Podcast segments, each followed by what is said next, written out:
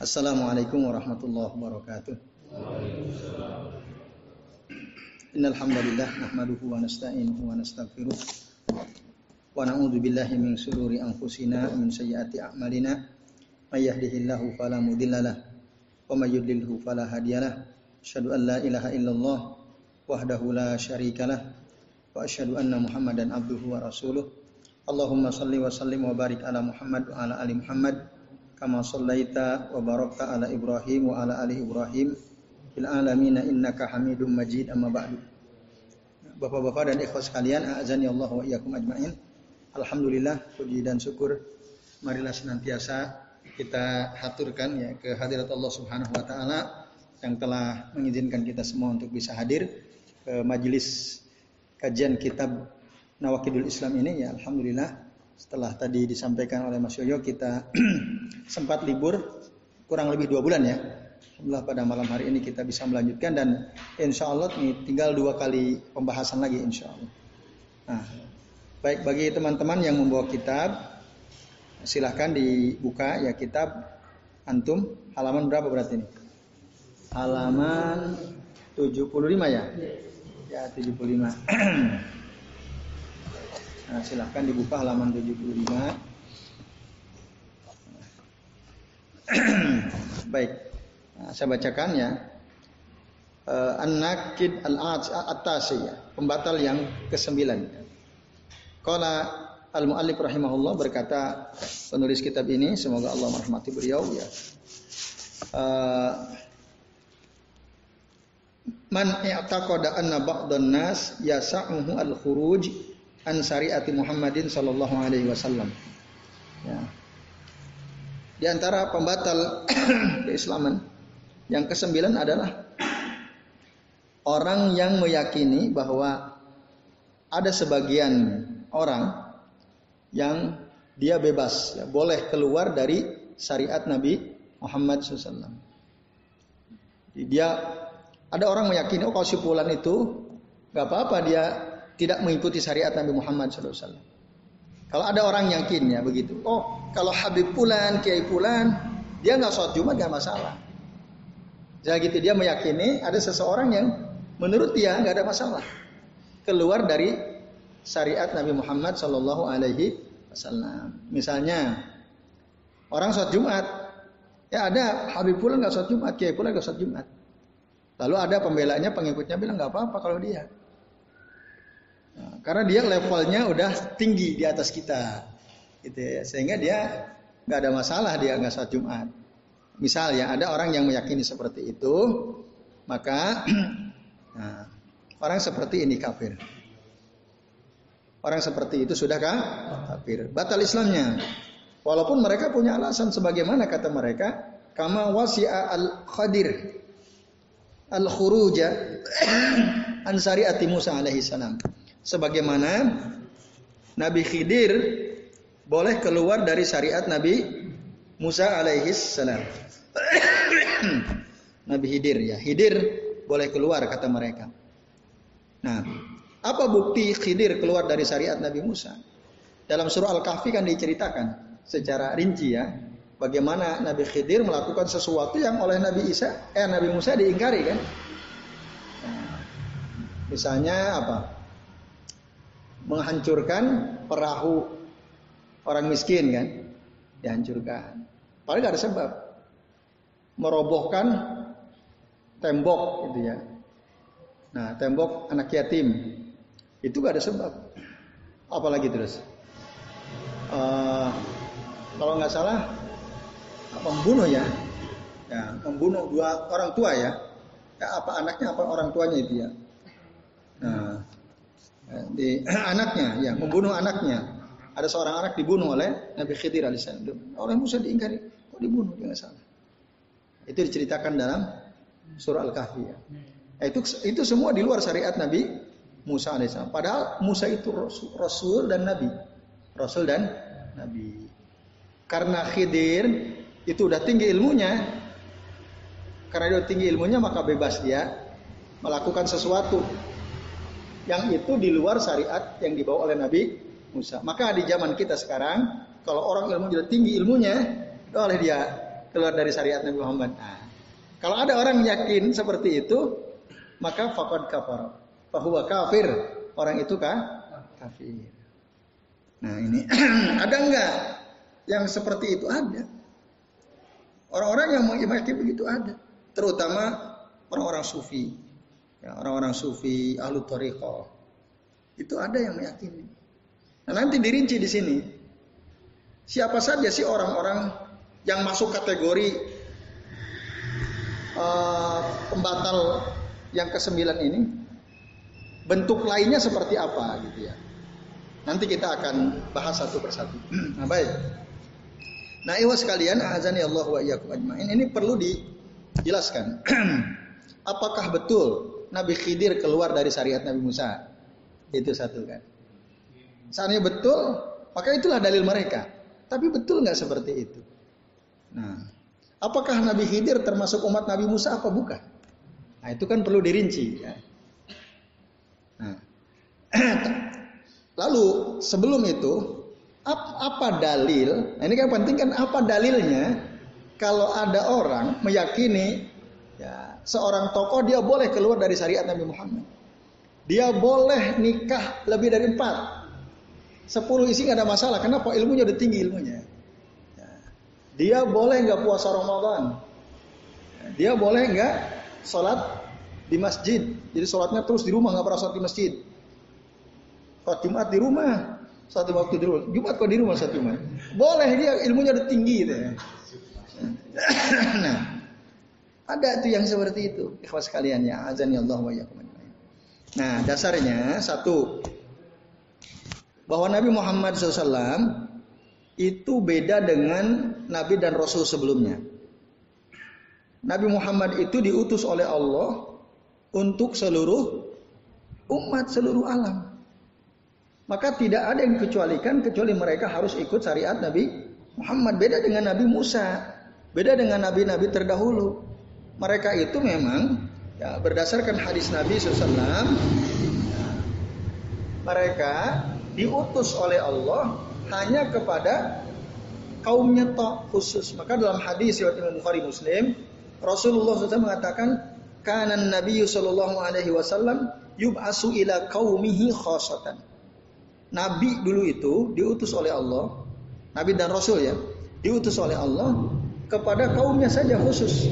Ila qaumihi khasatan.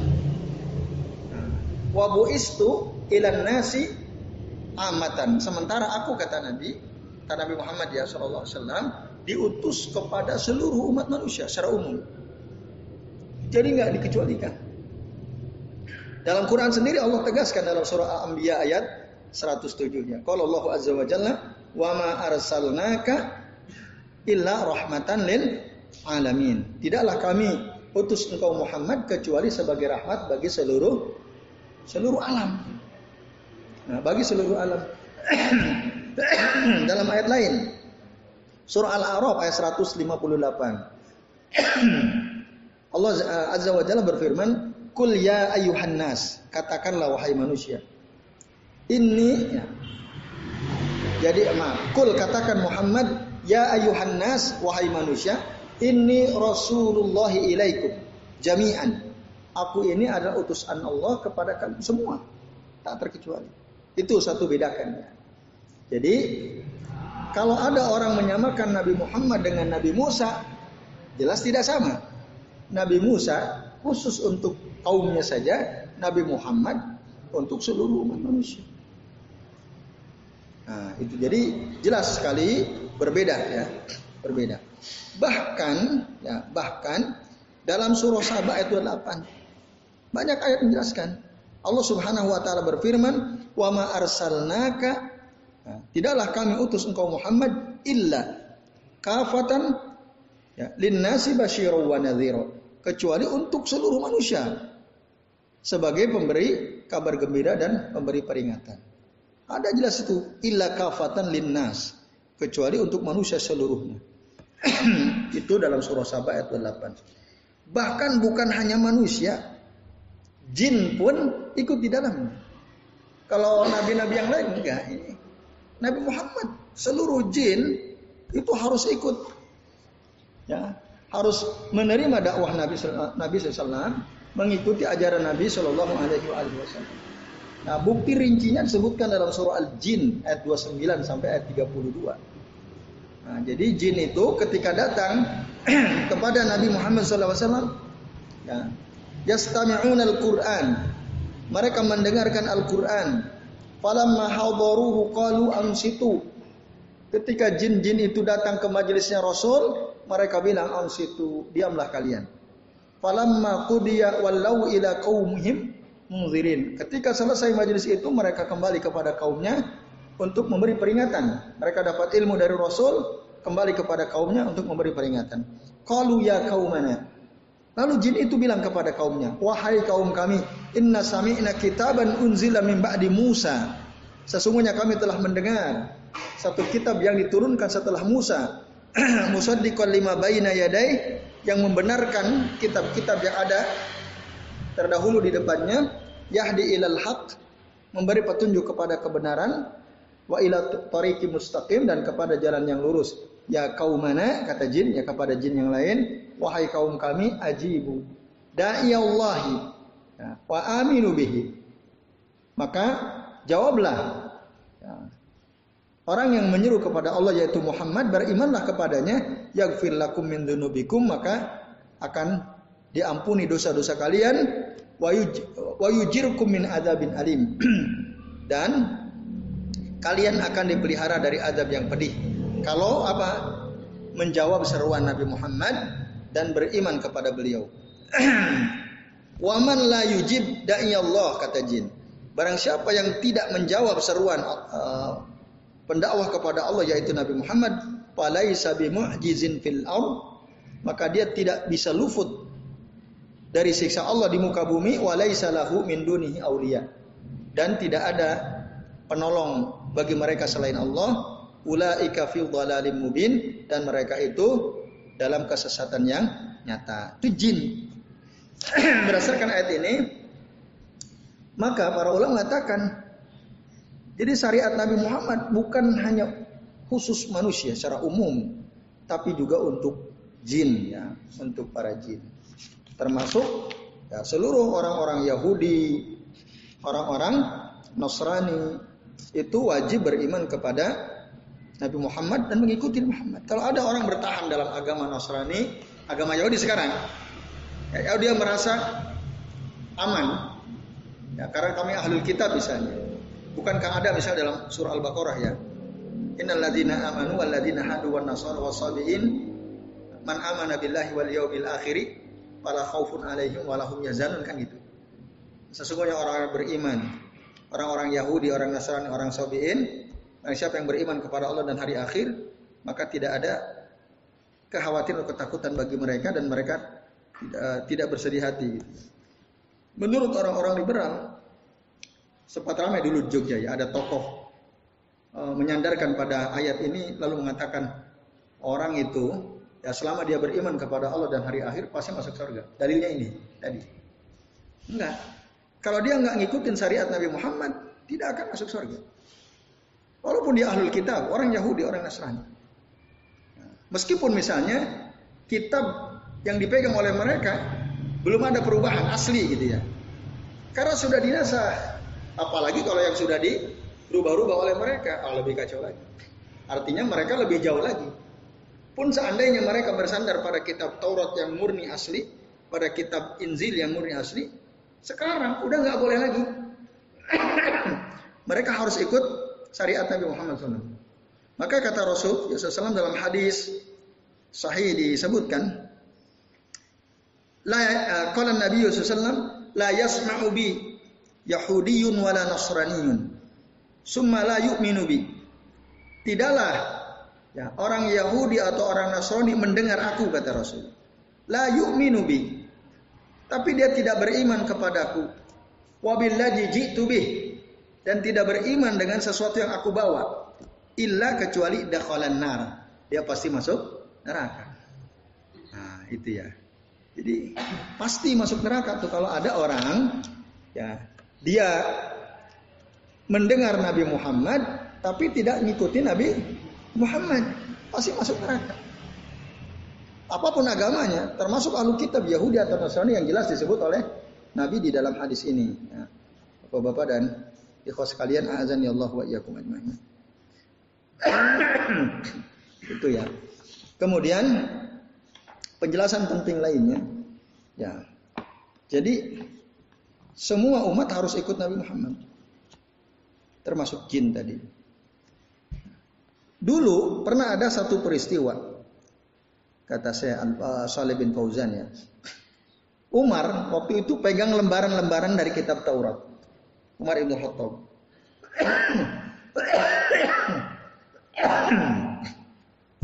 Lalu diingkari oleh Nabi Shallallahu Alaihi Wasallam.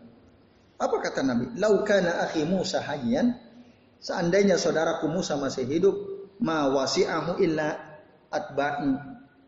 Nah, tidak ada pilihan bagi Musa kecuali dia pasti akan mengikuti aku. Artinya kamu nggak penting ngapain kamu pelajari Taurat? Udah nggak penting. Ya. Cari ilmu dari Injil dari Taurat nggak penting. Kecuali untuk mencari kekurangan, kelemahan, mengkritik ya, apalagi Injil Taurat sekarang itu silakan. Tapi kalau kita mau cari ilmu, cari hikmah, cari petunjuk dari Taurat Injil udah nggak penting. Maka Rasulullah marah kepada Umar.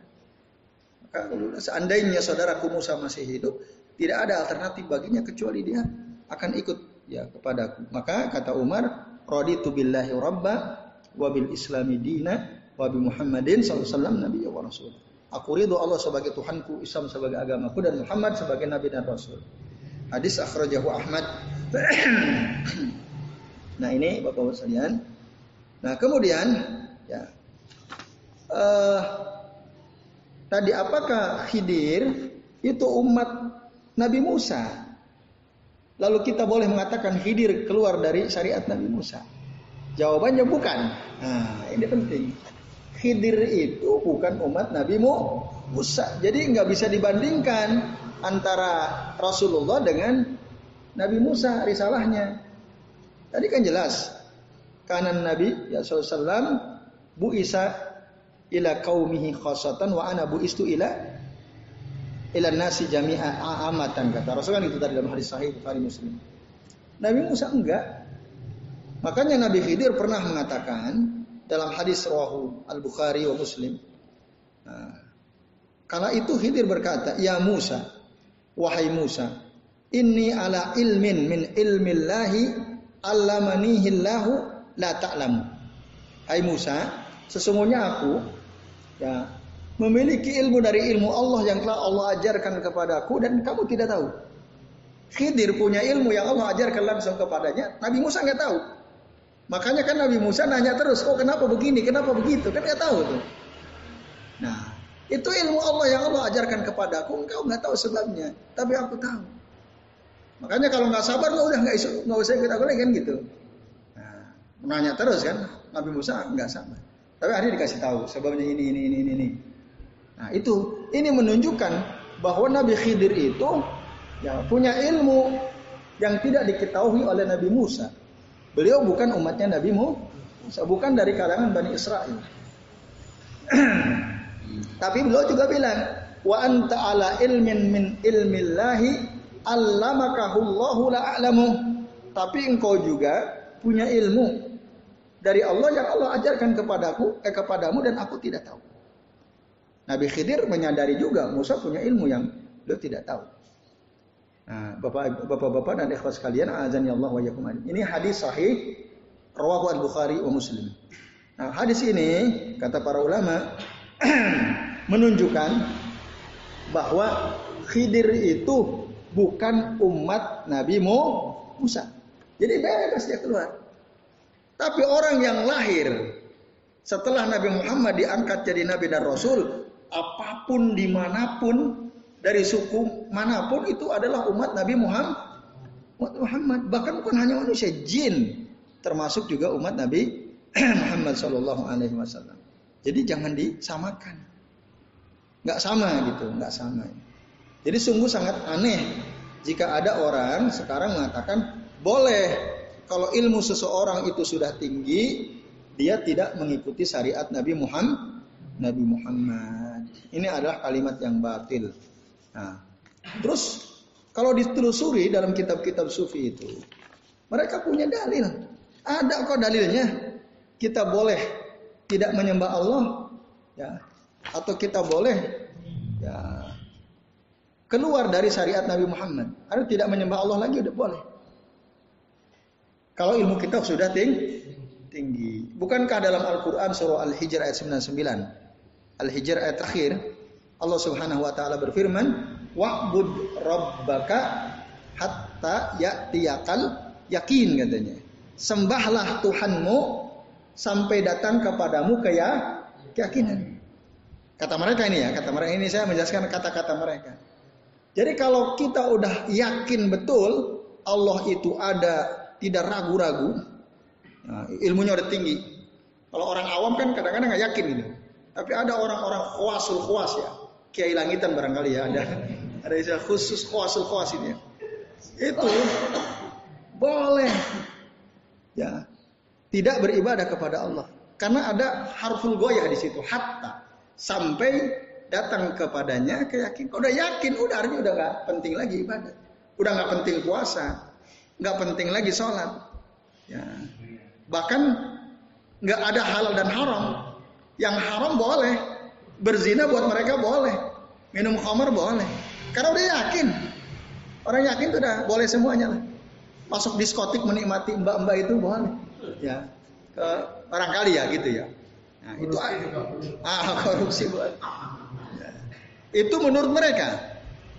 Tapi ya, ikhwas sekalian, azan ya Allah wa Itu adalah takwil batil. Ya.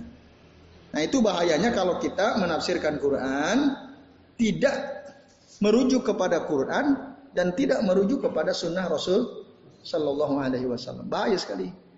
Maka ada kitab Akhtaul Mufassirin ya, kesalahan-kesalahan ahli tafsir atau orang-orang yang menafsirkan Quran.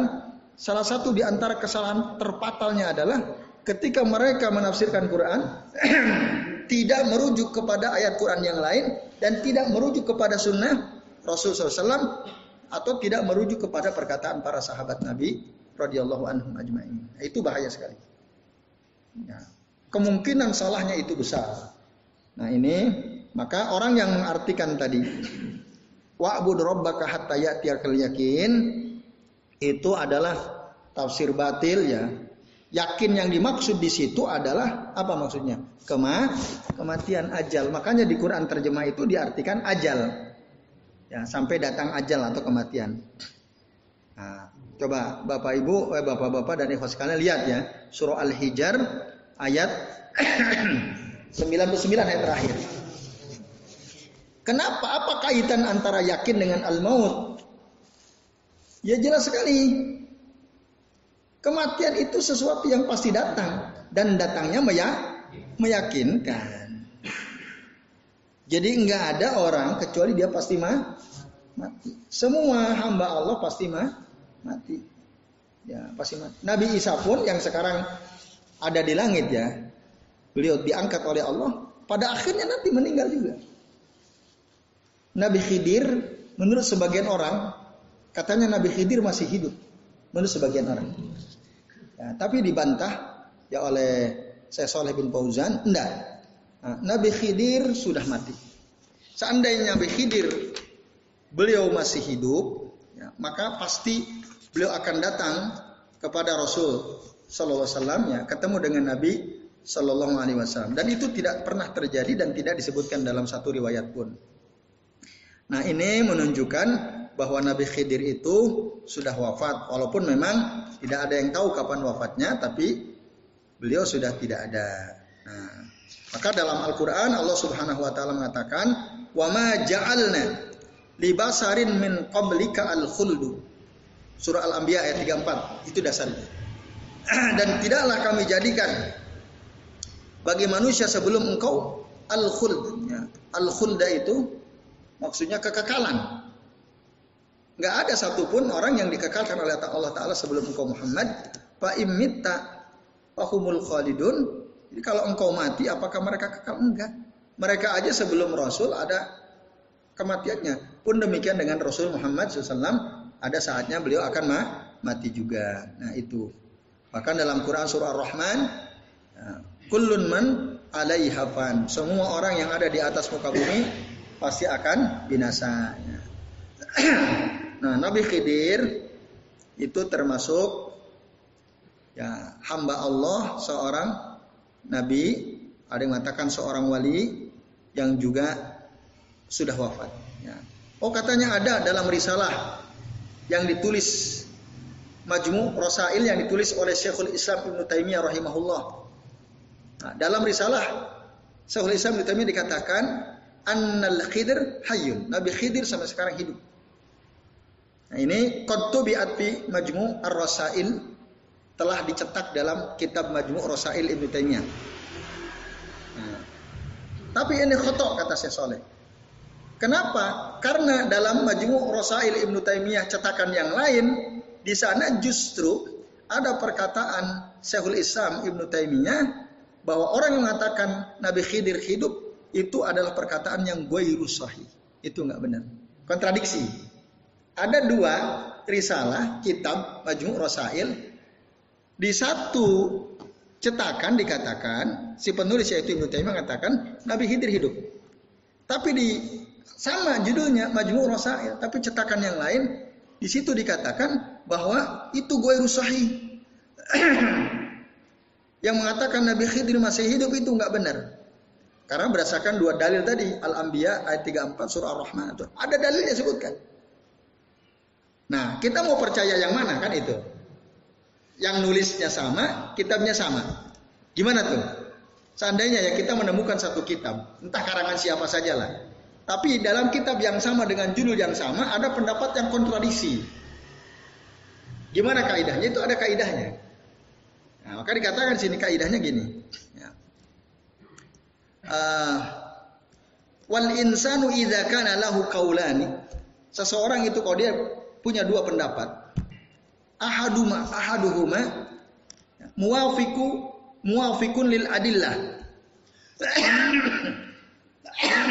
Salah satu pendapatnya itu sesuai dengan dalil yang ada, dengan dalil Al-Quran Sunnah. Ya, jadi ada satu orang dia punya dua pendapat. Pendapat pertama sesuai dengan al-adillah, dengan dalil-dalil dari Al-Quran dan Sunnah. Wasani, sedangkan pendapat dia yang kedua, mukhalifu, ya, mukhalifun bil adillah, menyelisihi dalil. Maka akhadha billadhi yuwafiqu al adillah. Dia harus mengambil pendapat yang sesuai dengan da, dalil. Gitu. Caranya gitu. Bukan mengecam si penulisnya. Kita nggak jangan mengecam si penulisnya. Udah abaikan yang tidak sesuai dengan dalil, kita ambil yang sesuai dengan da, dalil. Gitu. Misalnya ada Ustadz Fulan, dia mengatakan sesuatu di satu majelis. Perkataan yang disampaikan tidak sesuai dalil. Eh di majelis yang lain beliau membantah pendapat yang tidak sesuai dalil, lalu dia mengatakan sesuatu yang sesuai dengan dalil. Kita kecam apa enggak orang ini? Tidak. Tapi gimana caranya? Ambillah pendapatnya yang sesuai dengan dalil. Itu. Maka Nabi Khidir itu ya tidak kan ada katanya sekarang masih hidup udah enggak hidup ya sudah meninggal dunia sudah wafat beliau. nah ini uh, bapak-bapak dan ikhwas sekalian, azani Allah wa Jadi enggak sama antara Nabi Muhammad dengan Nabi Musa dan Nabi Khidir itu bukan umatnya Nabi Musa, bukan. Bahkan Nabi Musa itu ya ketika Allah mengatakan Inna li abdan min ibadi fi ardin kada wa kada indahu ilmun laisa indak. Sesungguhnya aku uh, punya seorang hamba dari hamba-hambaku di satu tempat ini dan itu, dia punya ilmu dan ilmu itu tidak kamu punya, tidak kamu miliki. Kata Allah kepada Nabi Musa. Maka apa kata Nabi Musa dalam surah Al-Kahfi ayat 60 ya. Beliau bilang ketika Allah bilang seperti itu, wa il qala Musa li fatahu la abrahu hatta ablugha majma'al bahraini au amdiyahu kuba. Kata Nabi Musa. Ingatlah ketika Musa berkata kepada pelayannya, ya, kepada pembantunya, aku akan senantiasa terus berjalan sampai aku menemukan ya pertemuan air laut, dua air laut ya. Nah, untuk siapa ketemu dengan Nabi Khidir? Atau kalau masih belum ketemu juga, au amdi yahuku, saya akan terus berjalan sampai aku ketemu dengan hamba Allah yang kata Allah dia punya ilmu yang tidak aku miliki. Nah, itu kan. Jadi ada ilmu yang tidak dimiliki oleh Nabi Musa tapi dimiliki oleh Nabi Khidir. Musa sampai bilang begitu. Nah, dan ketemu, ketika ketemu minta diajarkan. Lalu ya ikutlah perjalanan dengan Nabi Khidir itu. nah ini menunjukkan ayat tadi bahwa Nabi Khidir itu bukan umat Nabi Musa. Bukan dari kalangan Bani Israel. Nah terus apakah Nabi Khidir ini Nabi atau wali? Dalam kitabnya saya soleh ini dikatakan ada dua pendapat ya. Sebagian pendapat mengatakan annahu nabiyun. Nabi Khidir itu nabi. Kenapa? Karena nah dia punya ya sesuatu di luar kebiasaan, khawarikul ada. Ya itulah mukjizat yang Allah berikan kepada Nabi Khidir. tapi sebagian lain bilang enggak. Nabi Khidir itu bukan nabi tapi dia seorang wali. Maka keanehan-keanehan yang terjadi pada dirinya itu merupakan karomat min karomatillah li auliyaihi. Kan kalau ada sesuatu di luar kebiasaannya dan dia bukan nabi itu namanya karo karomah, kemuliaan dari Allah Subhanahu nah, dan bukan mukjizat. Mukjizat itu kan fungsinya melemahkan musuh. Nabi Khidir kan bukan untuk melemahkan, justru untuk menunjukkan keagungan ilmu Allah. Bukan untuk melemahkan Nabi Musa. Ya, beda dengan mujizat. Nabi Musa punya mujizat tongkat. Kan bukan hanya sekedar memperlihatkan keagungan Allah, tapi melemahkan musuh kan. Musuh kalah kan. Nabi Muhammad begitu juga. Nabi-nabi yang lain begitu juga untuk melemahkan musuh-musuhnya. Nabi Khidir bukan. Nah, maka kata mereka, Nabi Khidir itu wali. Bukan nah, Nabi. Ada dua pendapat. Mana yang paling kuat? Saya soleh tidak menjelaskan. Yang jelas ada dua pandangan lah gitu. Nabi Khidir ada mengatakan dia nabi, ada yang mengatakan dia seorang wali. Eh sekalian, azan ya Allah wa iyyakum ajmain. Jadi sekali lagi tadi tidak bisa kita menyamakan kasus Nabi Khidir yang tidak ikut syariat Nabi Musa dengan orang yang hidup ya pasca diangkatnya Nabi Muhammad menjadi nabi dan rasul sehingga kalau Nabi Khidir boleh enggak, eh, tidak mengikuti syariat Musa, Orang sekarang pun bisa saja. Contohnya kan sudah ada Nabi itu. Enggak beda. Dilihat dari dua sisi tadi. Sisi yang pertama dilihat dari keumuman risalahnya. Itu satu. Gak bisa dibantah. Dalilnya jelas. Nabi Musa khusus. Nabi Muhammad umum. Kedua dilihat dari sisi uh, Nabi Khidirnya. Nah, Orang yang hidup di zaman sekarang nggak ada yang sosoknya seperti Nabi Khidir. Yang ini tentu berkaitan dengan masalah yang pertama tadi. Nabi Khidir itu bukan atau kalau nggak disebut Nabi wali ya, seorang wali Allah yang bernama Khidir itu bukan umat Nabi Musa, bukan Bani Israel. Sementara kita semua ini adalah seluruhnya umat Nabi Muhammad Shallallahu Alaihi Wasallam. Nah ini bapak-bapak dan ikhwas sekalian, azan ya Allah wa iyyakum ajmain. Jadi nggak sama. Kemudian nah dikatakan orang yang keluar dari syariat Nabi Muhammad itu bentuknya macam-macam. Nah, ini penting. Setelah Bapak Bapak-bapak dan Ibu sekalian mendengar penjelasan tadi, apa yang ada di pikiran panjenengan yang dimaksud dengan keluar dari risalah atau syariat Nabi Muhammad? Apa coba? Apa kesimpulannya? Keluar dari syariat Nabi Muhammad. Apa yang bisa panjenengan simpulkan?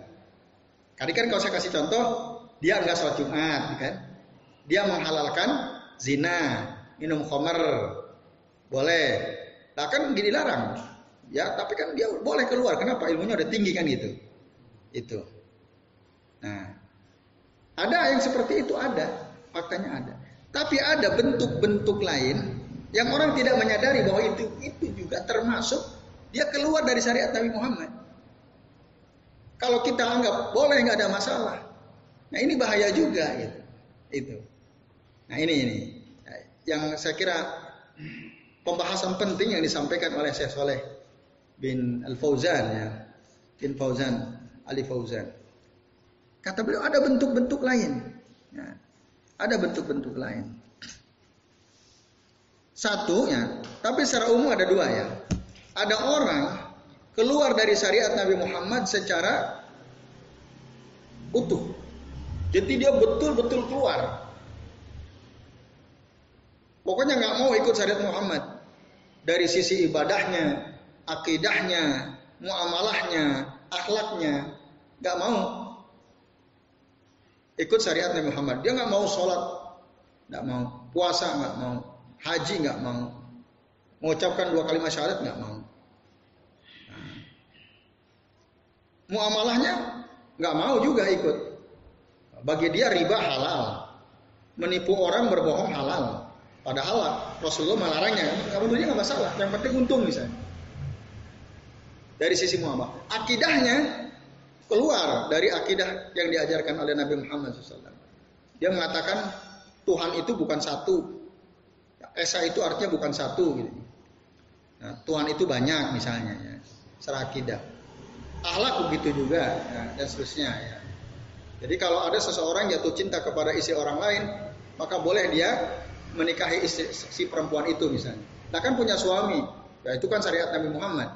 Nah, syariatku lain misalnya. Jadi satu orang istri boleh dinikmati oleh banyak laki-laki misalnya. Nah itu kan secara muamalah keluar. Nah maka orang yang seperti itu sebut kharaja an syariati Muhammadin sallallahu alaihi wasallam ya kulliyun secara menyeluruh. Baik dari semua sisi, ibadah, akidah, muamalah, akhlak itu keluar semua. Tapi ada sebagian orang yang keluar dari syariat Muhammad juz'i. Juz'i itu sebagian. Sebagian dia ikut, sebagian dia nggak ikut. Nah, sebagian ikut, sebagian nggak ikut. nah maka itu satu sisi itu ya ada yang kuli, ada yang juz'i. yang kuli itu ya orang-orang kafir itu. Yang juz'i mungkin ada sebagian umat Islam. Mereka keluar dari syariat Nabi Muhammad, tapi sebagian. Yang lain masih ikut. Ada. Yang juz'i ada. Nah, lalu mana yang menyebabkan seseorang menjadi kafir? Apakah seluruh perbuatan yang keluar dari syariat Nabi Muhammad otomatis kita hukumi dia kafir? Atau bagaimana? Nah, saya soleh mengatakan ya, ada dua orang yang kita hukumi kafir ketika dia keluar dari syariat yang dibawa oleh Nabi Muhammad Lalu dia mengatakan halal, boleh.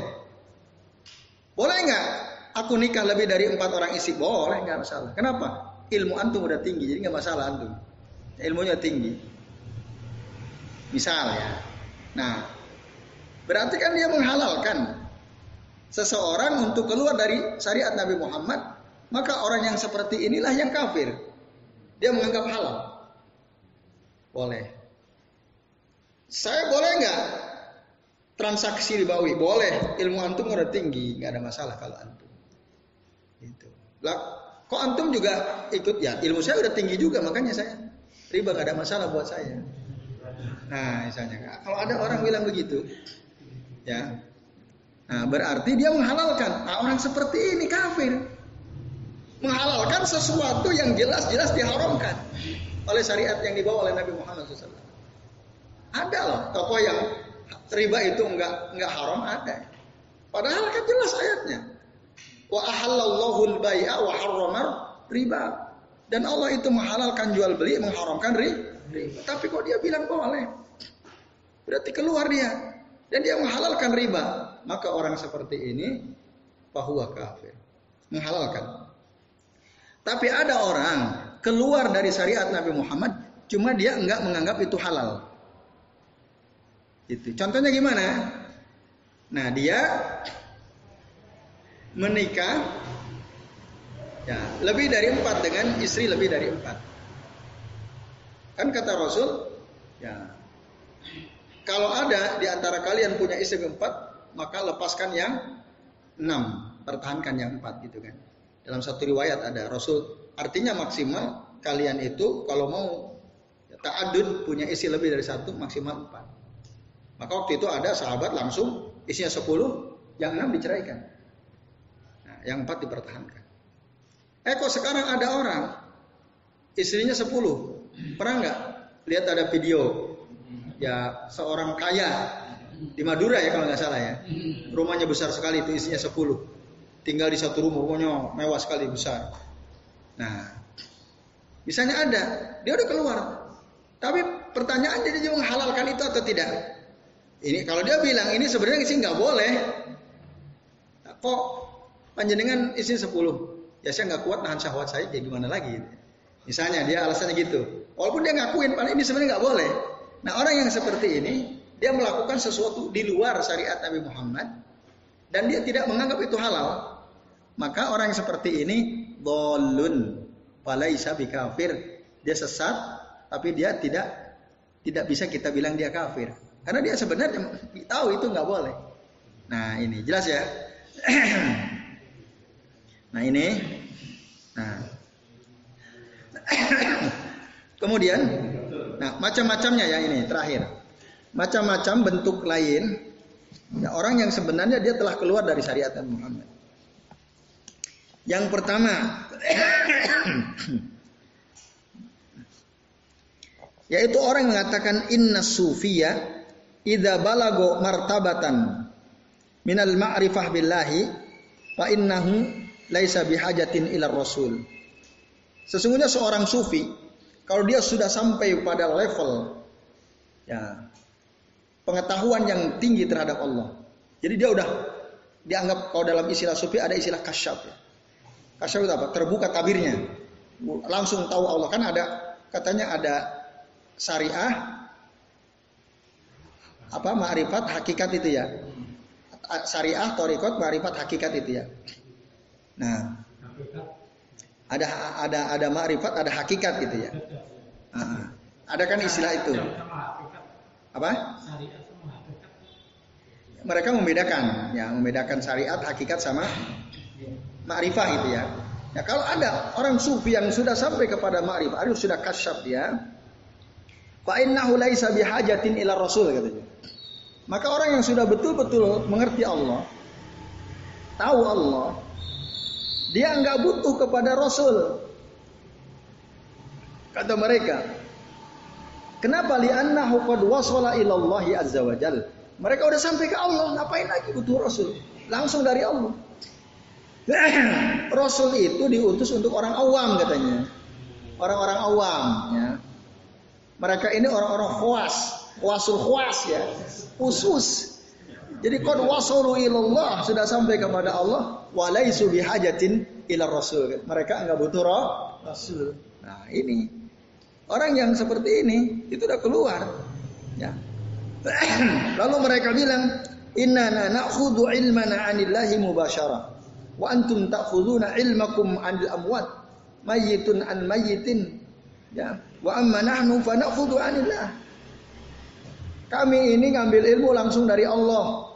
Sementara antum ngambil ilmu antum dari orang yang mati. Orang mati ngambil ilmu dari orang mati. Yaitulah antum orang awam. Nah, kalau kami ngambil ilmu dari zat yang hidup dan maha hidup, Allah langsung. Jadi mereka mengklaim ngambil ilmunya langsung dari Allah, nggak butuh Rasul Sallallahu kata mereka. Fa amma nahnu na'khudhu ya anillahi azza wajal. Kami ngambil ilmu langsung dari Allah kata mereka. Gak bisa. Semua kita mendapatkan ilmu lewat wasilahnya Rasul Shallallahu Alaihi Wasallam. Al-Quran kita tahu lewat Rasul. Hadis-hadis kita tahu lewat roh Rasul Nah itu. Lalu mereka bilang, maka taklif taklif beban syariat itu sudah gugur buat mereka karena mereka sudah sampai kepada Allah. Maka mereka itu nggak sholat nggak apa-apa, nggak beribadah kepada Allah nggak apa-apa. Ibadah itu untuk orang awam. Nah, dan bagi mereka nggak ada yang haram. Nggak ada larangan, nggak ada perintah, nggak ada halal, nggak ada ha haram. Itu hanya untuk orang awam. Kami kan udah nyampe sama Allah kata mereka. Nah, oleh karena itu tidak ada halal, tidak ada ha haram. Kata mereka begitu. Oh, ini batil betul ini ya, menyimpang betul. Tapi ada faktanya seperti itu. Maka para ulama menjelaskannya. Nah, tapi kalau kita mau merenung sebenarnya, orang yang kena taklif syariat itu kan syaratnya dua. Apa ya? Orang yang kena taklif syariat syaratnya dua apa coba? Satu apa? Berakal. Yang kedua balik kan? Berakal dan balik. Siapa saja yang berakal dan balik maka dia kena taklif syariat. Berarti orang yang ngaku sudah enggak lagi kena taklif syariat kemungkinan dua. Ya, satu dia belum balik, yang kedua dia majnun kan. Aslinya mereka orang orang, orang majnun tuh yang punya keyakinan seperti ini. Nah, itu kata saya Saleh bin Fauzan Al Fauzan Al Fauzan. Ini ya. Jadi mereka itu minal majanin. Ya orang-orang majnun. Nah, itu satu ya. Yang kedua, yang kedua al ilmaniyin. al ilmaniyun ya.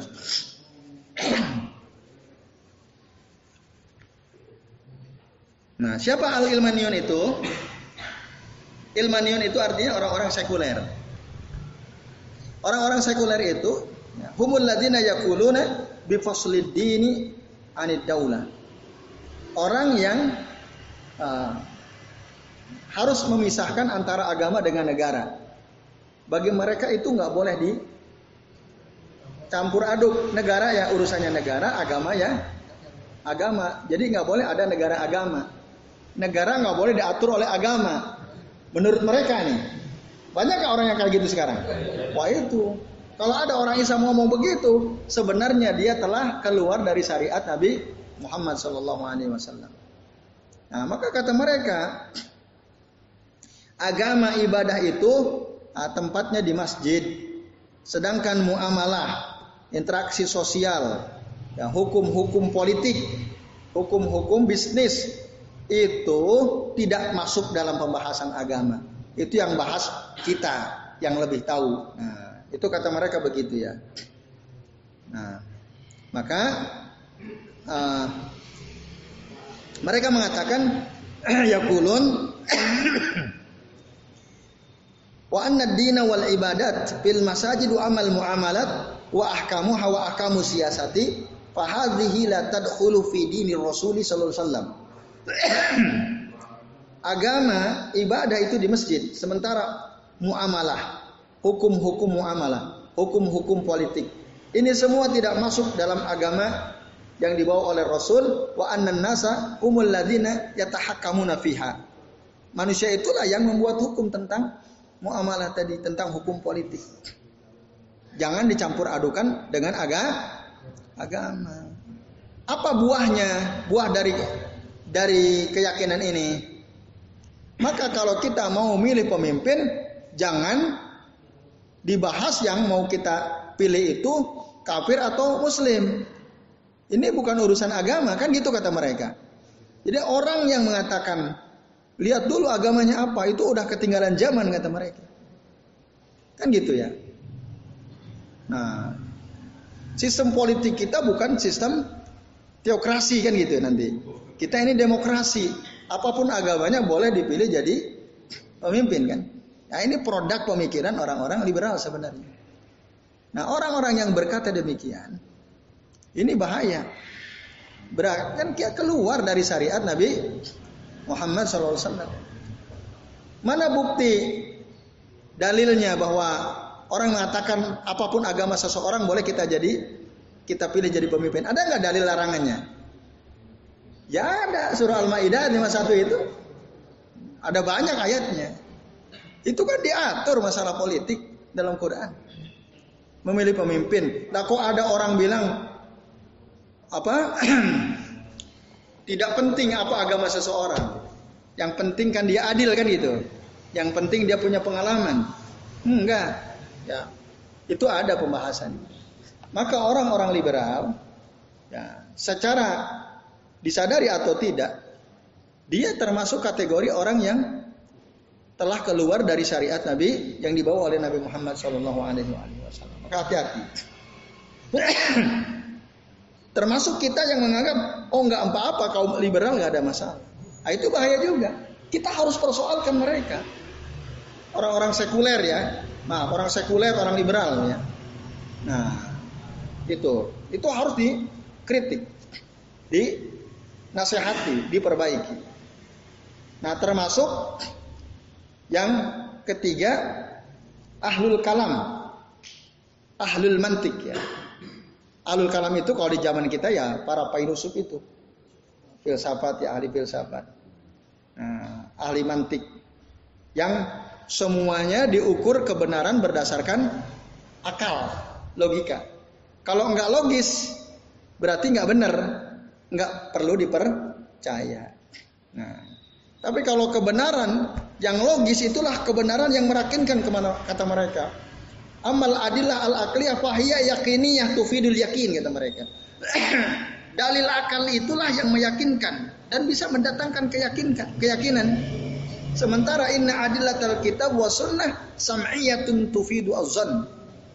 Dalil-dalil dari Al-Quran dan dari sunnah itu hanya sekedar kita dengar dan dia hanya ya, membawa faidah berupa sangkaan saja, tidak meyakinkan. Yang meyakinkan dari akal kata mereka. Nah ini, nah, sehingga mereka itu sangat anti ketika bicara mengutip dalil dari Al-Quran dan Sunnah. Mereka nggak mau. Mereka pasti pakai logika. Nah ini kalau kita ngobrol sama mereka itu bahaya. Kita ketarik nanti. Ya. Nah, maka para ulama jauhi itu ahlul kalam.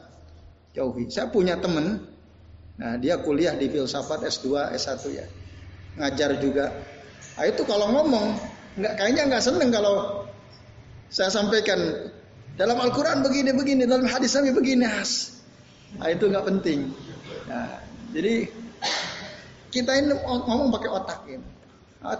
Itulah yang meyakinkan. Nah, ini kata mereka. Nah, maka orang yang seperti ini fahada khuruj an syariatin Nabi sallallahu alaihi wasallam fi ahammi syai wa al-aqidah. Nah, ini dia telah keluar dari syariat Nabi. Ya, bahkan dalam tadi mereka nggak mau berdalil dengan Quran Sunnah. Ini pada masalah akidah. Kita penting menyandarkan omongan kita, pandangan kita dalam apa pun kepada Al-Quran dan Sunnah.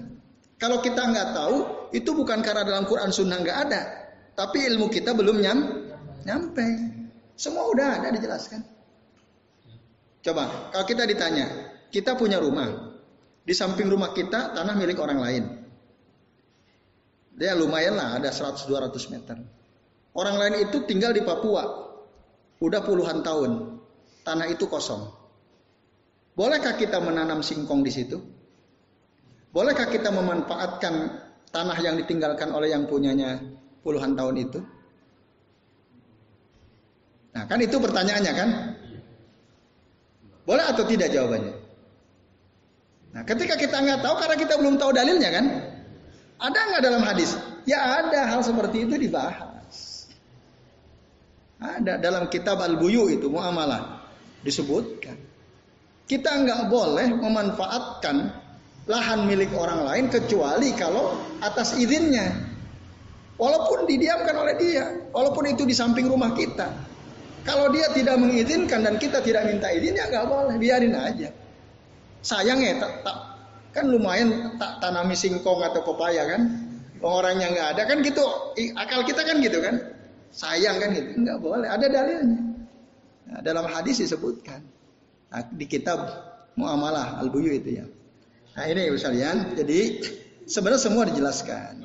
Ya, saya jelaskan. Baik, itu ya ahlul kalam, ya ahlul mantik itu sesungguhnya ketika mereka ya, menghindar menghindar dari dalil Quran dan Sunnah itu pada hal yang paling penting dalam hidup seorang manusia. Kan Rasul mengatakan tarok tufikum amroini ya lan tadi luin tamasaktum bihima. Nah, aku tinggalkan pada kalian dua perkara yang kalian tidak akan pernah sesat selama-lamanya selama kalian berpegang teguh kepada keduanya. Allah nah, ketahuilah itu adalah kita kitabullah wa sunnatu rasul. Kitab Allah dan sunnah rasulnya sesuatu. Nah itu. Nah, orang ahlul kalam, ahlul mantik tidak mau mereka. Nah, padahal kita wajib mengikuti Quran dan dan sunnah. nah ini kemudian yang keempat yang termasuk sebenarnya dia udah keluar dari syariat Nabi Muhammad adalah orang-orang mengatakan syariat Islam itu sudah out of date, tidak up to date. Ada ya? Udah enggak berlaku di zaman sekarang. Kata mereka. Itu hanya berlaku dulu aja. Maka mereka biasanya bilang apa? Kaum apa tuh ya orang yang apa-apa kembali ke Quran Sunnah itu. Ya, ya kalau yang paling populer kadrun itu kadrun sekarang ya. ya. Yang ngikuti bangsa Arab gitu ya. Karena Quran Sunnah itu turunnya di Arab mengikuti orang-orang Arab. Nah itu. Kira-kira kalau di, disederhanakan seperti itulah kalau sekarang ya. Karena mereka ya pada umumnya mengatakan syariat Islam itu ya inna mahiya zamanil madi ammal waktul hadir pada tasluhu lahu syariah. Syariat itu untuk zaman dulu, sementara di zaman kita sekarang udah nggak cocok syariat Islam. Ya, kalau kita bicara politik, sistem khilafah itu udah nggak cocok misalnya. Ya, apalagi ya jual beli diatur apa masalah politik diatur oleh hukum Islam udah nggak cocok. Ya tadi pemimpin untuk umat Islam hanya dibatasi yang boleh hanya umat Islam saja udah enggak cocok kata mereka. Nah, ini ya, orang-orang yang berpendapat seperti itu sesungguhnya dia telah keluar dari syariat syariat Nabi Muhammad Muhammad SAW. Artinya dia sudah disadari atau tidak bisa menjerumuskan dirinya kepada kekufuran. Nah, dan ini banyak yang berkata seperti itu. Imam Malik dulu pernah berkata, wal Imamu Malik rahimahullahu yakul. Imam Malik pernah berkata, la yasluhu akhiru hadhil ummah illa ma aslaha awwaluha awwalaha. Tidaklah mungkin umat ya terakhir ya, umat yang datang belakangan ini tidaklah mungkin menjadi baik. Saya ulangi ya, kata Imam Malik, la yasluhu akhiru hadhil ummah illa ma aslaha awwalahu. Tidaklah mungkin umat yang datang belakangan ini menjadi baik, tidak mungkin menjadi baik kecuali kalau mereka bersandar kepada sesuatu yang menjadikan umat sebelum mereka menjadi baik. Paham ya maksudnya? Kita ini umat kita yang datang belakangan nggak mungkin menjadi baik, nggak mungkin. Kecuali kalau kita menjadikan perkara ya yang bisa menjadikan umat sebelum kita menjadi baik. Apa itu maksudnya? Quran dan Sunnah. Kenapa para sahabat, para tabiin baik generasi dulu? Ya karena mereka kokoh berpegang teguh kepada Quran Sunnah. Itulah menjadikan mereka menjadi umat yang baik. Ya, kita nggak mungkin bisa menjadi baik kecuali dengan Nah kok kita tinggalkan Quran Sunnah? Udah nggak cocok. Quran Sunnah udah nggak cocok di zaman sekarang. Ya nggak akan mungkin baik-baik. Yang ada tambah rusak terus. Ya enggak? Tambah rusak enggak kita? Tambah rusak. Nah, karena kita tinggalkan Quran dan Sunnah. Nah ini kenapa? Karena Al-Quran Sunnah, Al-Quran itu Allah yang turunkan. Allah lebih tahu mana yang maslahat untuk hamba-hambanya. Dan itu udah sempurna. Al-yawma akmaltu lakum dinakum wa asmantu alaikum nikmati wa raditu lakumul Islam. Itu Allah sempurnakan. Allah ridho bisa menjadi agama. Nah ini yang terakhir yang kelima. Bapak-bapak dan ibu ah, hadis sekalian ya. Yang juga termasuk dia sesungguhnya telah keluar ya dari syariat Nabi Muhammad adalah mani betada bid'atan fid din. Orang yang berbuat bid'ah dalam agama. Ya, wa ahdasa hadasan. Ya, membuat perkara baru dalam agama. Ya zunnu annahu khairun dia mengira itu baik wa annahu taqarraba ila Allah azza wa jalla hadza nau'un minal khuruj an syariati Muhammadin sallallahu alaihi wasallam. Dan orang itu lalu menganggap perbuatan yang dia lakukan perbuatan bidah, bidah yang dia lakukan itu katanya dalam rangka untuk mendekatkan diri kepada Allah azza wa jalla. Dia anggap seperti itu. Nah, ini termasuk bagian dari al-khuruj an syariati Muhammadin sallallahu alaihi wasallam. Keluar dari syariat Nabi Muhammad sallallahu Kenapa? Li'annahu lam yasahhum ma Allah azza wa jalla. Karena dia tidak terima tidak legowo dengan apa yang sudah Allah syariatkan lewat Nabi Muhammad SAW. Innama atau biziyadatin. Kemudian dia malah datang dengan amalan tambahan-tambahan yang tidak diajarkan oleh Nabi SAW. Nah, ini artinya apa? Ini artinya wa makna hada'an nadin indahum Ini artinya bahwa agama itu menurut mereka ghairu kamil, nggak sempurna. Wa annahu bihajatin ila ziyadat. Oleh karenanya butuh ditambah, ada yang kurang. Jadi Rasul kurang dulu. Ya. Harus kita tambahin. Nah, jadi Rasul nggak ngajarin ini sekarang ya kita kita lah buat-buat ya supaya nanti orang mengamalkan. Nah, kata mereka ini namanya bid'ah hasanah katanya ya. Nah ini bapak-bapak dan ikhlas sekalian, azani Allah wa iyyakum ajma'in. Nah, sesungguhnya orang yang membuat perkara bid'ah atau mengamalkan amalan bid'ah itu sesungguhnya dia sudah keluar dari syariat Nabi Muhammad Sallallahu Ya faktanya begitu. Dia kan nggak ngikutin lagi. Dia tambah-tambahin. Nah itu. Nah ini yang kadang orang nggak ngerti ya masalah ini. Jadi padahal itu juga termasuk uh, beberapa kategori yang dianggap telah keluar dari syariat Nabi Muhammad Shallallahu Alaihi Wasallam. Nah, saya kira ini ya terus kalian azan ya Allah wa iyyakum ajmain. Jadi kita harus paham maka hati-hati ya dari sikap orang-orang sufi, dari sikap kaum liberal, kaum sekuler, dari sikap para filosof tadi, ahlul kalam, ahlul mantik, termasuk dari pandangan bahwa syariat Islam sudah out of date gitu ya, sudah tidak sudah tidak up to date ya, sudah nggak cocok sekarang. Dan dari pandangan yang terakhir ahlul bid'ah. Makanya dalam kitab-kitab Syarh Sunnah, baik Syarh Sunnah Al-Imam Al-Barbahari, Syarh Sunnah Al-Imam Al-Muzanni, nah itu kita diperintah untuk menjauhi ahlul bid'ah karena bahaya sekali. Ya, bahaya sekali. Ya saya kira ini semoga bermanfaat. Nah, ini jam berapa ya? Jam 9 aja 10 ya. Kurang 7 menit ya. Baik sebelum diakhiri Barangkali ada yang mau bertanya kang silakan. Ya, monggo Pak Wikan. Mas Pak Wikan ya. Selama ini kita itu sudah keluar dari syariat Nabi Muhammad. Karena ya itu cara kita bernegara itu sudah dari sistemnya demokrasi atau kita memakai undang-undang yang tadi. Hmm. Berarti kita itu sudah keluar dari itu dong. Nah. Atau gimana gitu ya? Gimana? ya. Oke, okay, itu Pak Wikan. Monggo Mas Apri. Uh, ini apakah dulu pada zaman sahabat setelahnya ini juga sudah bermunculan uh, orang-orang yang manfaat yang apa? Yang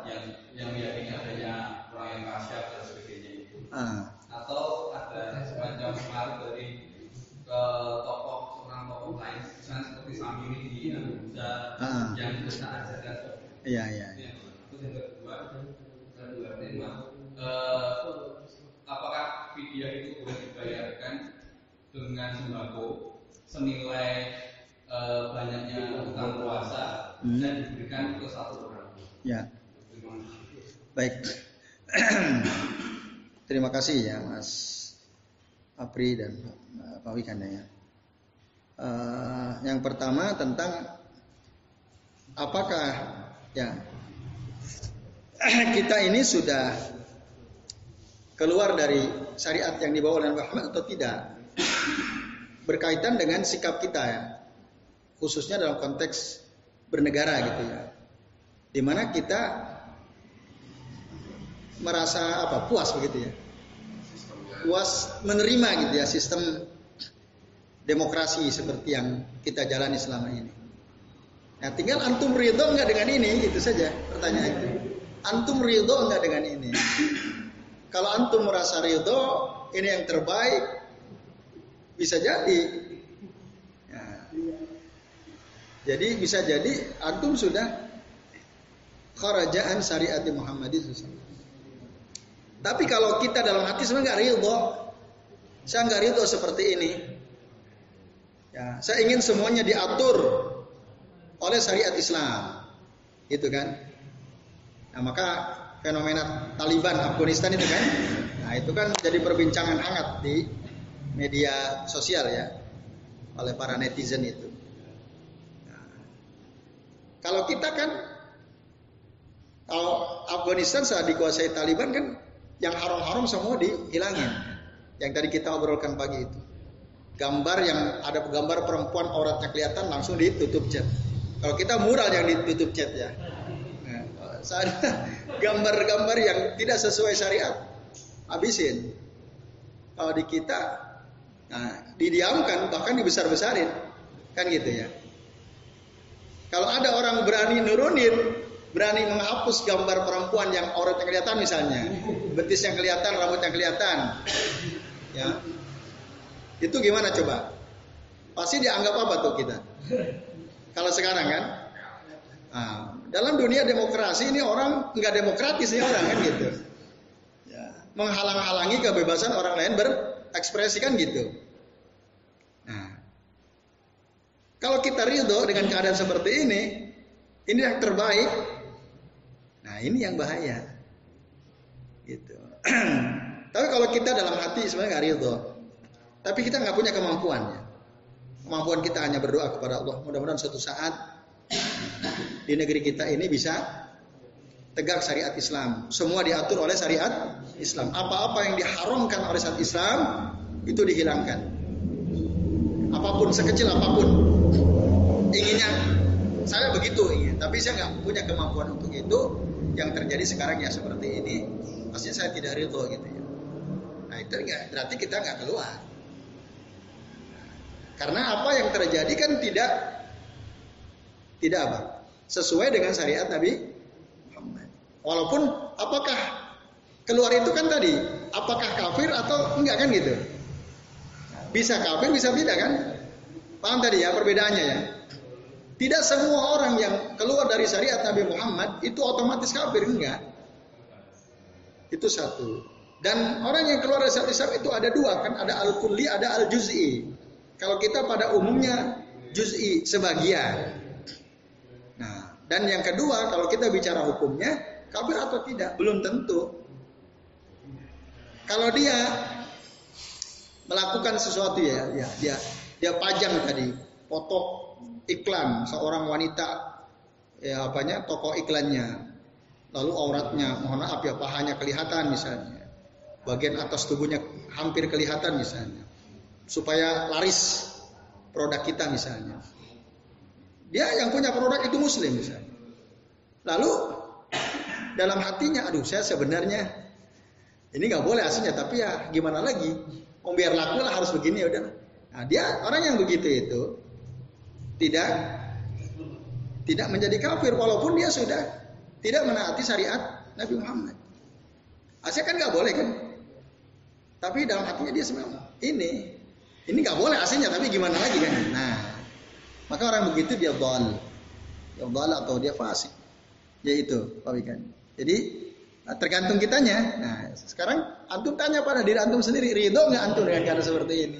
Kalau antum ridho ya itu jadi yang kita pandang itu jelek belum tentu jelek. Yang uh, jelek tidaknya sesuatu itu sesuai dengan syariat atau tidak gitu. Bisa jadi menurut kita buruk, ya. tapi menurut syariat bagus. Ya. Nah, jadi ukuran jelek baiknya sesuatu itu ya kembali kepada syariat yang dibawa oleh Rasulullah SAW. Ya, yaitu Al-Quran dan Sunnah. Nah itu itu pak. Jadi uh, jelek buruknya ukurannya bukan syahwat kita ya, bukan dari akal kita, tapi apakah sesuai dengan Quran dan Sunnah atau tidak. Jadi itu kembalinya ke situ. Walaupun menurut uh, orang ratusan ribu orang mengatakan itu baik. Ya. Coba menurut Pak Noto, kalau ada gambar artis auratnya kelihatan, baik atau enggak tuh? Dipajang di tempat publik itu. Oh, mohon maaf tadi pahanya misalnya kelihatan, bagian atasnya kelihatan. Menurut jenengan baik enggak misalnya? Ada orang bilang oh bagus nih, menarik ini kan gitu, kan baik tuh. Ya, bikin nggak ngantuk kan gitu. Nah, tapi apakah itu baik? Baik menurut syahwat kita. Tapi menurut Quran dan Sunnah itu enggak enggak baik karena aurat diperlihatkan. Harusnya aurat itu ditutupi kan. Allahumma stur aurati. Kita kan sering berdoa gitu ya. Ya Allah tutuplah auratku. Oh ini mah dibuka-buka. Nah itu jadi ukurannya Quran Sunnah baik buruk. Baik itu Pak Wikan. Yang kedua, pada zaman Nabi sudah ada apa belum tokoh-tokoh yang merusak ya akidah orang? Ya sudah ada. Sudah ada. Sebelumnya Nabi Musa aja ada. Apalagi Nabi Muhammad. Ya lebih banyak lagi. Ya tokoh-tokoh seperti Abu Jahal, Abu Lahab itu kan yang merusak. Yang secara secara langsung itu eh, apa namanya? Seorang meletakkan ajaran sufinya Oh ajaran sufi yang seperti kasyaf dan seterusnya. Nah itu yang gegembong syiah itu. Ya. Yang tadinya dia orang Yahudi. Siapa? Abdullah bin Salul bin Sabah itu. Kan dia hidup di masa Rasulullah. Mati pun Rasul masih hidup. Dia udah mati orangnya, tapi dia orang munafik, gak ngomong orang munafik. Nah, dia yang apa? Uh, punya pikiran Ali itu sebenarnya punya lebih berhak untuk jadi nabi daripada Muhammad. Itu kan Allah bin uh, bin Salah bin Salon itu ya. Sampai-sampai anaknya ketika dia mati itu minta kepada Rasul supaya bajunya Rasul di ya, pakai bungkus kain kapan jasad bapaknya itu. Nah, tapi anaknya ini beriman anaknya. Ada Rasul memberikan tak untuk menghormati anaknya bukan si Abdullah bin Sabah bin Salul itu. Nah itu dia benih-benih ya, yang merusak ajaran Islam itu sejak zaman Nabi sudah ada. Nah, Nabi sudah sudah tahu, Nabi sudah tahu. Nah, cuma uh, Beliau tidak membunuhnya sampai dia akhirnya mati sendiri kan. Ya sudah ada lah intinya. Apalagi setelah Nabi wafat ya semakin banyak. Tapi ajaran si Abdullah bin Sa'ad bin Salim terus ada kan sampai akhirnya nanti menjadi Syiah itu. Syiah Rafidah dan macam-macam itu. Nah itu. Jadi terus sampai sekarang berlanjut ya ada. Allah taala alam Ya itu yang kami ketahui. Terus yang terakhir ya masalah fidyah tadi. Membayar fidyah dengan sembako. Ya fidyah itu kan dengan makanan ya. Pato'amu fidyah ah, fidyah itu miskin itu ya, memberi makan fidyah kepada orang miskin dalam surah Al-Baqarah itu ya. nah itu emang yang paling bagus fidyah itu memberi makanan yang terbaik. Nah, kalau kita nggak puasa 30 hari berarti ngasih makan untuk berapa orang miskin? 30 orang miskin kan gitu. 30 orang miskin. Dulu ada sahabat Allah bin Abbas kalau nggak salah. Ya. Beliau sakit tidak sempat puasa dalam dua tahun itu nggak bisa puasa. Artinya berarti 60 hari kan. Lalu untuk menggantinya itu dalam satu sebutkan beliau masak banyak lalu diundang 60 orang miskin untuk makan bersama-sama. Makan bersama-sama. Nah itulah cara membayar fidyah dua kali Ramadan ya. Mengundang 60 orang miskin. nah, itu itu cara membayar fidyah yang disebutkan dalam salah satu riwayat. Nah, yang antum persoalkan barangkali boleh nggak kalau ngasihnya ke satu orang gitu ya? Dan sembako ya. Jadi bukan bukan makanan Bukan makanan matang. Nah. ya tadi sebaik-baik sebaik-baik fidyah itu makanan yang bisa langsung di konsumsi. Meskipun nanti ada sebagian ulama ya membolehkan bahkan diganti dengan harganya pun boleh. Ya, ada yang membolehkan. Nah, kalau mengganti dengan harganya pun boleh, berarti apalagi dengan bentuk makanan lain yang tentu saja lengkap dengan misalnya minyak gorengnya, garamnya, resusnya kan gitu. Nah, tinggal dikonversi saja, memberi makan satu orang miskin satu hari itu berapa kan gitu lalu kita wujudkan dalam bentuk sembako. Ada sebagian membolehkan. Nah, itu kan makanan juga. Nah, itu masalah pertama. Jadi ada yang membolehkan seperti itu. Masalah yang kedua kepada satu orang. Satu orang miskin. Kalau Abdullah bin Abbas tadi masak banyak, yang diundang satu orang miskin untuk 60 porsi kan nggak mungkin. Ya. Oh bisa kemerkaan dia ya. Ya, Iya kebanyakan, nggak mungkin. Maka secara logika jelas ya makan banyak, masak banyak, ya undang orang banyak. Nah, lalu kalau sembako itu kan bisa disimpan gitu ya, bisa disimpan. Nah, sehingga kalaupun kita kasih kepada satu orang miskin nggak ada masalah. Hari ini dia bisa masak sampai mungkin 62 bulan dia bisa masak kan gitu. Nah itu. Jadi dengan demikian kalau kita lihat dari sisi itunya mungkin saja yang penting orang yang kita kasih betul-betul orang miskin.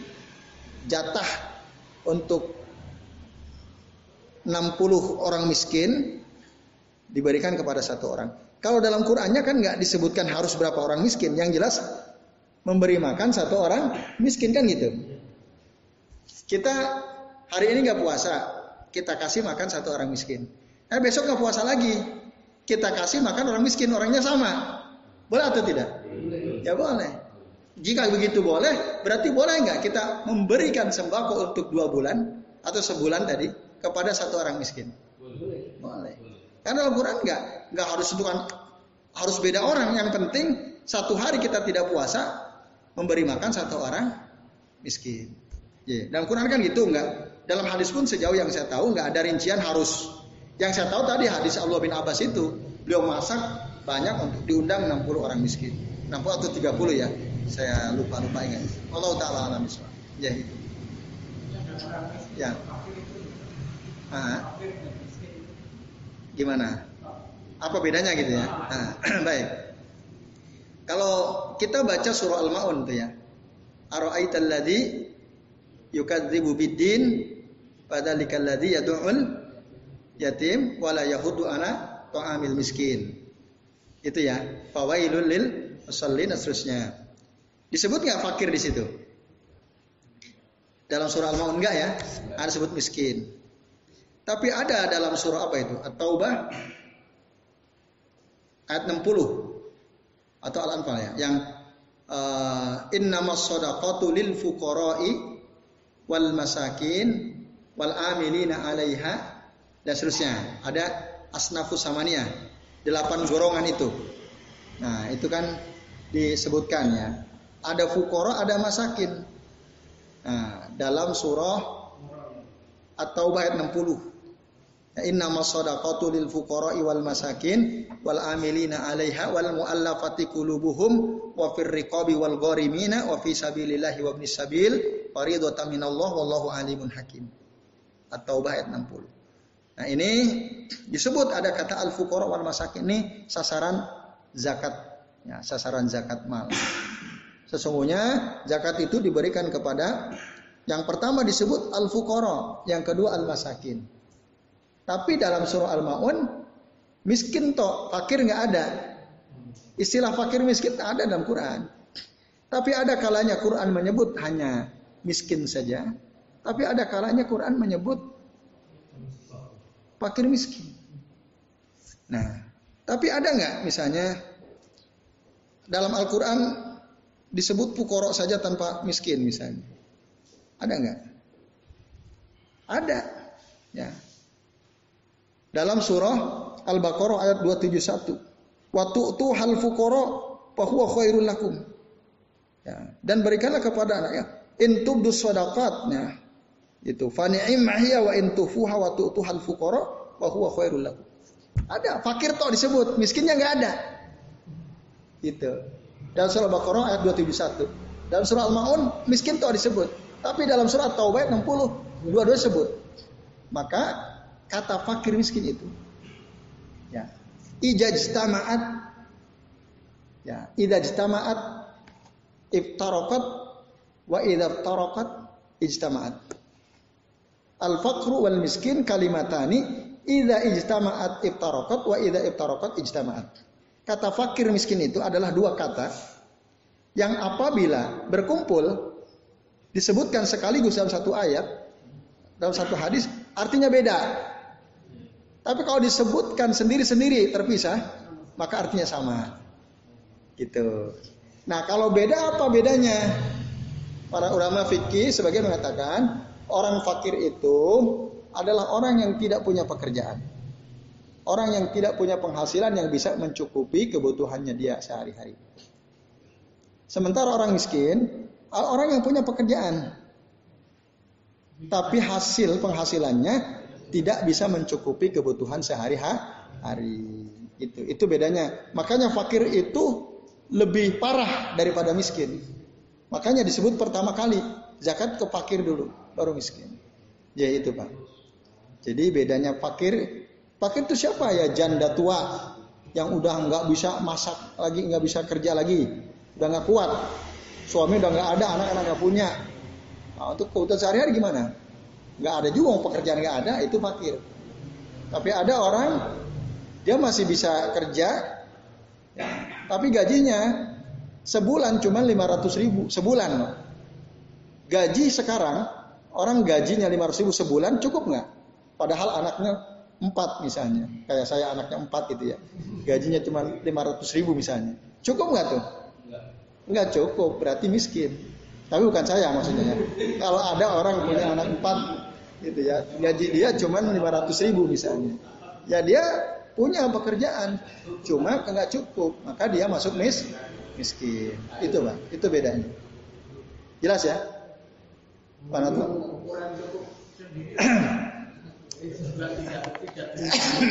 ya, memang cukup nggak cukup itu apa namanya relatif ya relatif. Mungkin mungkin mungkin nggak menurut antum 500 ribu cukup untuk kepala rumah tangga yang punya isi satu anak empat. Mungkin nggak? Hah? Sebulan lah, sebulan 500 ribu. Hah? Nah, mungkin ada, mungkin Allah alam ya. Dia sayurnya daun singkong, ya. Terus berasnya di pasar itu dia ngambilin kan gitu, nggak usah beli kan. Mungkin saja ya. Ya. Tapi ya secara logika kan agak susah gitu ya. Nah, kecuali mungkin berkah, berkah itu 500 ribu cukup ya. Kalau berkah. jadi itu pak. Jadi emang ukuran soal cukup nggak cukup itu relatif ya. Bisa jadi kebanyakan orang nggak cukup 500 ribu sebulan dengan anak empat tadi. Nah, bisa jadi mungkin ada orang bisa dia gimana caranya biar cukup kan gitu. Itu ada kaitannya dengan rezeki yang berkah. Nah itu ya. Nah, kalau udah berkah berapapun cukup. Ya kalau udah berkah. Gitu.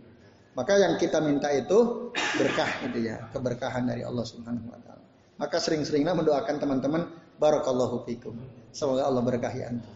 Nah, itu supaya berkah hidupnya. Jadi saya kira ini ya sekalian. Uh, insya Allah kita tinggal satu pembahasan lagi ya. Jadi satu kali pertemuan lagi dan nanti setelah kitab ini tamat selesai kita insya Allah akan ngaji kitab Ilyatu Talibil Ilmi ya perhiasan para penuntut ilmu insya Allah.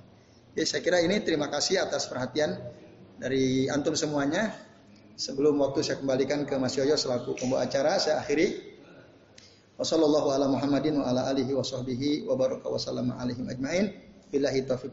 Wassalamualaikum warahmatullahi wabarakatuh.